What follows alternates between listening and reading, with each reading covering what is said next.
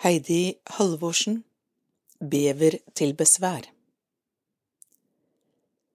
Hvordan ser egentlig en bever ut? Brun, stor hale, store tenner. Hva med føttene? Hvordan er de egentlig? Som blind er det til liten hjelp å søke etter et bilde på nettet for å friske opp hukommelsen.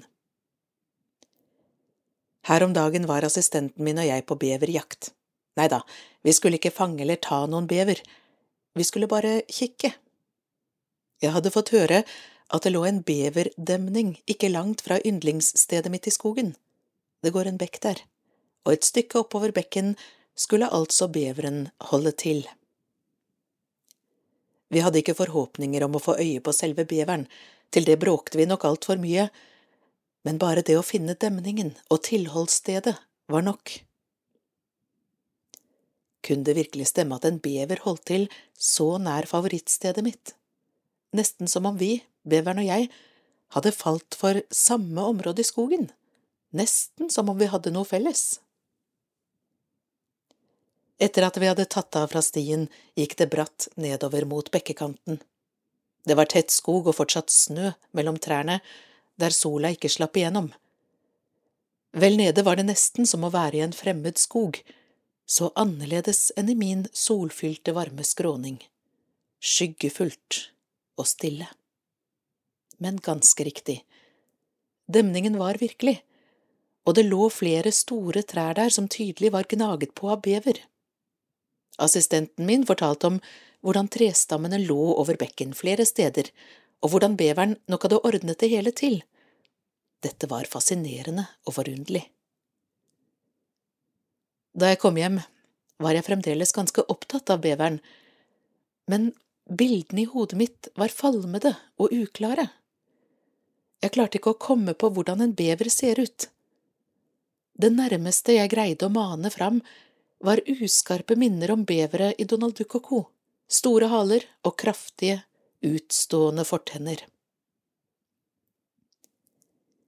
Etter 14 år som blind har jeg det siste oppdaget at det er flere og flere ting jeg ikke lenger helt husker hvordan ser ut. Det har ikke så stor praktisk betydning i mitt daglige liv, det er bare fantasien min som ikke klarer å fange det opp. Uansett hvor langt ned jeg graver i hukommelsen, finner jeg ikke de skarpe bildene igjen. Da hjelper ikke beskrivende ord heller. Jeg endte med å bli både lei meg og frustrert over hele beverturen og jo mer jeg tenkte på det, jo sterkere ble ønsket om å se dette dyret, eller i det minste få vite hvordan det ser ut. Hadde det vært en katt eller en kanin, kunne jeg kanskje fått holde en, men en bever… Vanligvis ville jeg funnet en løsning, funnet ut at dette kan jeg fikse på et eller annet vis, men denne gangen har jeg ikke klart for meg hvordan turen og lengselen etter å se beveren kan få en lykkelig slutt. Kanskje handler det ikke engang om beveren, egentlig. Kanskje handler det om å ha vært blind så lenge at bildene i hodet blekner, og at det ikke er noe jeg kan gjøre for å gi det farge.